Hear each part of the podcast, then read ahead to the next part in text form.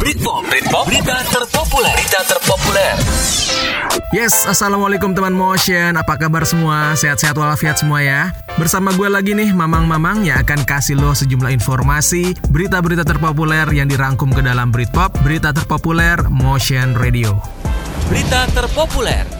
And Britpop pertama teman motion setelah setahun menjalani sekolah daring alias online akibat pandemi corona, terhitung mulai Rabu 7 April, Pemprov DKI Jakarta melakukan uji coba pembelajaran tatap muka alias sekolah offline secara terbatas. Nah, uji coba digelar sampai akhir April, tepatnya 29 April mendatang. Uji coba sekolah tatap muka ini melibatkan 85 sekolah dari SD, SMP hingga SMA di wilayah Jakarta dan Kepulauan Seribu. Khusus untuk anak SD yang masuk cuma anak kelas 4 4, 5, dan 6 saja. Sementara anak kelas 1, 2, 3 sama TK dan PAUD tetap belajar di rumah. Karena sifatnya terbatas, maka waktunya juga dibatasi nih, cuma seminggu 3 hari, yaitu Senin, Rabu, sama Jumat. Dan yang masuk juga dibatasi 50% dari kapasitas. Sementara Selasa sama Kamis dipakai untuk semprot disinfektan di sekolah-sekolah tersebut. Jam belajar per hari juga sangat singkat, yaitu jam 7 sampai 9 dan jam 10 sampai 12. Makdar it, maka dari itu, materi materi pelajaran juga yang penting-penting aja, yang esensial doang. Kegiatan kayak ekskul, olahraga nggak ada. Kantin sama perpustakaan juga ditutup, supaya murid-murid nggak pada kumpul-kumpul.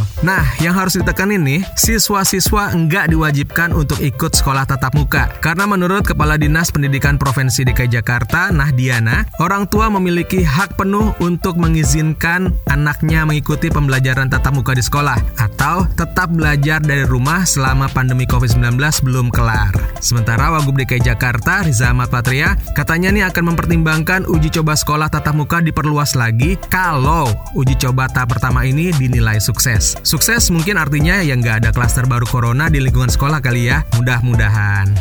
Berita terpopuler Yes, Britpop kedua nih atau Britpop selanjutnya yaitu soal larangan mudik lebaran di mana Menteri Pan RB Cahyo Kumolo telah resmi mengeluarkan surat edaran yang melarang PNS atau ASN cuti selama libur lebaran 2021.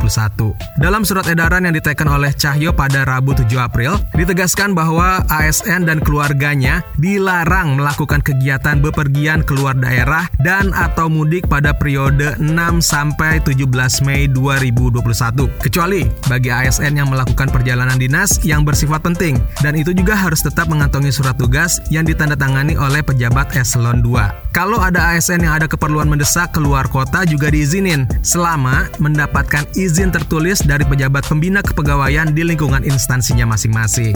Sementara itu nih teman motion, kepolisian akan melakukan tindakan tegas dengan memutarbalikkan kendaraan yang tetap nekat maksain mudik pada periode lebaran nanti. Nah, kayak tahun lalu nih, Kabak Ops Korlantas Polri Rudi Antariksawan mengatakan polisi akan menempatkan pos-pos penyekatan untuk mengawasi pemudik, entah itu di pintu tol, jalan arteri, sampai jalan-jalan tikus. Katanya sini, Korlantas Polri sudah nyiapin sebanyak 333 titik penyekatan yang tersebar di sepanjang wilayah Bali, Jawa, hingga Lampung. Mekanismenya sama kayak tahun lalu, petugas nantinya akan ngecek dokumen mobil atau motor terkait, lalu meminta surat tugas keluar wilayah. Kalau ketahuan mau mudik atau nggak bisa nunjukin surat keluar wilayah, silakan mundur, balik badan, terus pulang lagi deh ke rumah.